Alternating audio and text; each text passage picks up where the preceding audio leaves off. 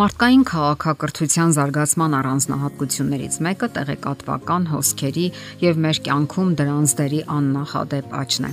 Տեղեկատվությունը, տեղեկատվական հաղորդակցության տեխնոլոգիաները դարձել են համաշխարհային զարգացումների իրական շարժիչ ուժը, ինչը հնարավորություն է տալիս բազմապատկելու այսօրվա գիտելիքներն ու հոգեվոր արժեքները, ընդլայնում է գիտության ու տեխնիկայի նվաճումների կիրառման ոլորտները։ Տեղեկատվությունը հանդես է գալիս որպես իրական սոցիալական ռեսուրս, որն ի վիճակի է օգնել մարդուն հարմարվելու մշտական փոփոխություններին, մշակելու նոր իրավիճակներին համարժեք վարքի ձևեր։ Այսօր մեզանում տեղեկատվական հաղորդակցական տեխնոլոգիաները, մասնավորապես համակարգիչները, թափանցել են հասարակական կյանքի ամենատարբեր ոլորտներ։ Նրանց մենք հանդիպում ենք տանը, դպրոցում, հիմնարկ ձեռնարկություններում, ամենատարբեր կազմակերպություններում, գրասենյակներում, առևտրի կենտրոններում եւ այլն։ Իսկ դա նպաստում է աշխատանքի որակի եւ արդյունավետության բարձրացմանը։ Սակայն չմոռանանք, որ ցանկացած նորամուծություն չի կարող միանշանակ ընդունվել եւ լայն տարակարծությունների առիթ չհանդիսանալ վերջինիս ամբողջական մերժումից մինչեւ հերանեկարային ընդունումը։ Եվ բնականաբար, մինչև որևէ նորամուծության ներդնելը անհրաժեշտ է համակողմանի վերլուծություն, թե ինչպես հարմարացնել այն մարդու կարիքներին, ինչպես նաև հոգեբանությանը։ Այսօր մեր երեխաները գտնվում են այդ նորագույն տեխնոլոգիաների ազդեցության տակ։ Փորձենք քննարկել համակարգիչների դերն ու նշանակությունը երեխաների կրթության ու դաստիարակության գործում։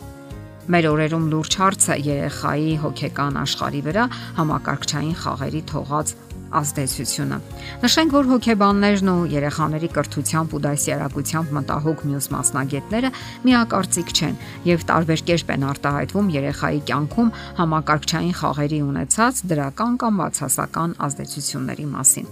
Ծնողների շրջանում եւս մտածումները տարբեր են, երբեմն նաեւ խիստ բևեռացված։ Ոմանք ամբողջովին մերժում են համակարգչային խաղերը, թույլ չտալով երեխաներին մոտենալ համակարգչին։ Ոմանք էլ հակառակը, անչափ գոհ են, որ իրենց երեխաները համակարգչի առաջ նստած զբաղվում են իրենց միտքը զարգացնող եւ մարզող խաղերով։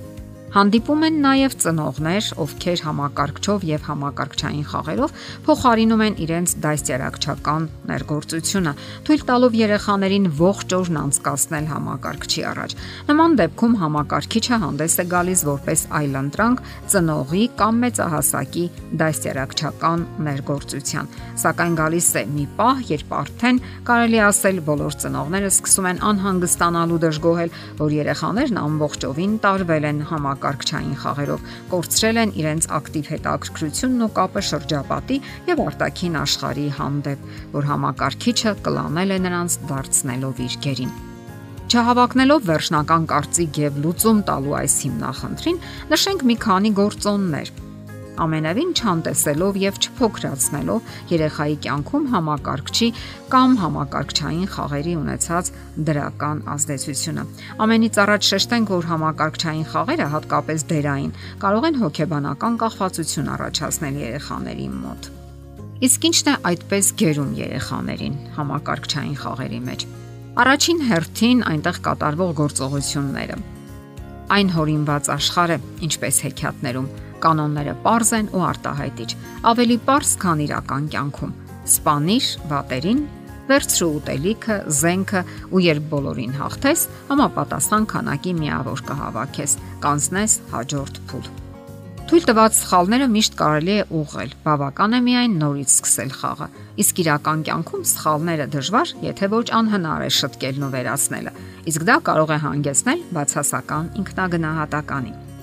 Համակարգչով սովորական զբաղմունքն անգամ երեխայի կողմից դիտարկվում է որպես խաղ։ Այդ պատճառով այն, ինչ նրան չի հետաքրքրում դասագրքի էջերում, կարող է հետաքրքրել համակարգչի էկրանին։ Խաղը, եթե հոգնեցրել է, հեշտությամբ կարելի է փոխել կամ ինչև վերջ չխաղալ, դադարեցնել, եւ մեծահասակները ոչինչ չեն ասի, չեն հանդիմանի։ Սակայն բավական է երեխան նույն կերպ վարվի որևէ պարապմունքի կամ առաջադրանքի հետ, Միանգամից փակի գիրքը, ապա միանգամից կհայտնվի մեծահասակների ուշադրության կենտրոնում եւ որպես կանոն բացասական տեսանկյունից։ Համակարգչային խաղերը ավելի քան ֆիլմերն ու գրքերը հնարավորություն են տալիս նույնանալու հերոսի հետ, ապրումակցելու նրան, ունենալով ուժի եւ հզորության հաջողակ լինելու զգացում, ինչով օժտված է հերոսը։ Եվ վերջապես երեխան դառնում է էկրանի վրա ծավալվող գործողությունների ակտիվ մասնակիցը, հանդես է գալիս համակարգչային հերոսի դերում։ Երեխան որպես կանոն շատ քիչ բան կարող է փոխել իրեն շրջապատող իրական աշխարհում։ Նրա կյանքն ամբողջությամբ կախված է մեծահասակներից։ Սակայն այդպես չէ համակարգչային խաղերում։ Այստեղ ամեն ինչ կատարվում է երեխայի ցանկությամբ։ Այստեղ նա կարող է լինել տիրակալ, որոշումներ կայացնող ինչը բնականաբար շատ գրավիչ է նրա համար։ Ասենք որ սկսած որոշակի տարիքից բոլոր օրինաչափ զարգացող երեխաները սկսում են վախենալ մահից։ Մինչդեռ խաղի մեջ դա նրանց չի սպառնում։ Խաղի ընթացքում հերոսները սովորաբար ունեն առնվազն երկու կյանք։ Եվ վերջապես համակարգիչը հրաշալի զուգընկեր է շփման համար։ Այն միշտ հասկանում է քեզ եւ կանխատեսելի է։ Եթե ճիշտ կոճակ ես սեղմում, կամակորություններ չի անում, չի վիճում, չի խրատում, նրա հետ ավելի հեշտ է պայմանավորվել, քան իրական մարդկանց հետ, եւ այդ պատճառով շփման բարդություններ ունեցող երեխաները հեշտությամբ են գտնում իրենց տեղը վիրտուալ աշխարհում։ Այսպիսով հարկավոր է խելամիտ եւ ճափավոր օգտագործել համակարգիչն ու համակարգչային խաղերը երեխայի կրթության ու դաստիարակության գործում։ Այլապես գերտարվածությունը դրանցով կարող է բերել երեխայի եսի ճեղքման, ես իրականի եւ ես վիրտուալի միջև։ Եթերում է ընտանիք հաղորդաշարը։ Ձեզ հետ է Գեղեցիկ Մարտիրոսյանը։ Հարցերի եւ առաջարկությունների համար զանգահարել 033 87 87 87 հեռախոսահամարով։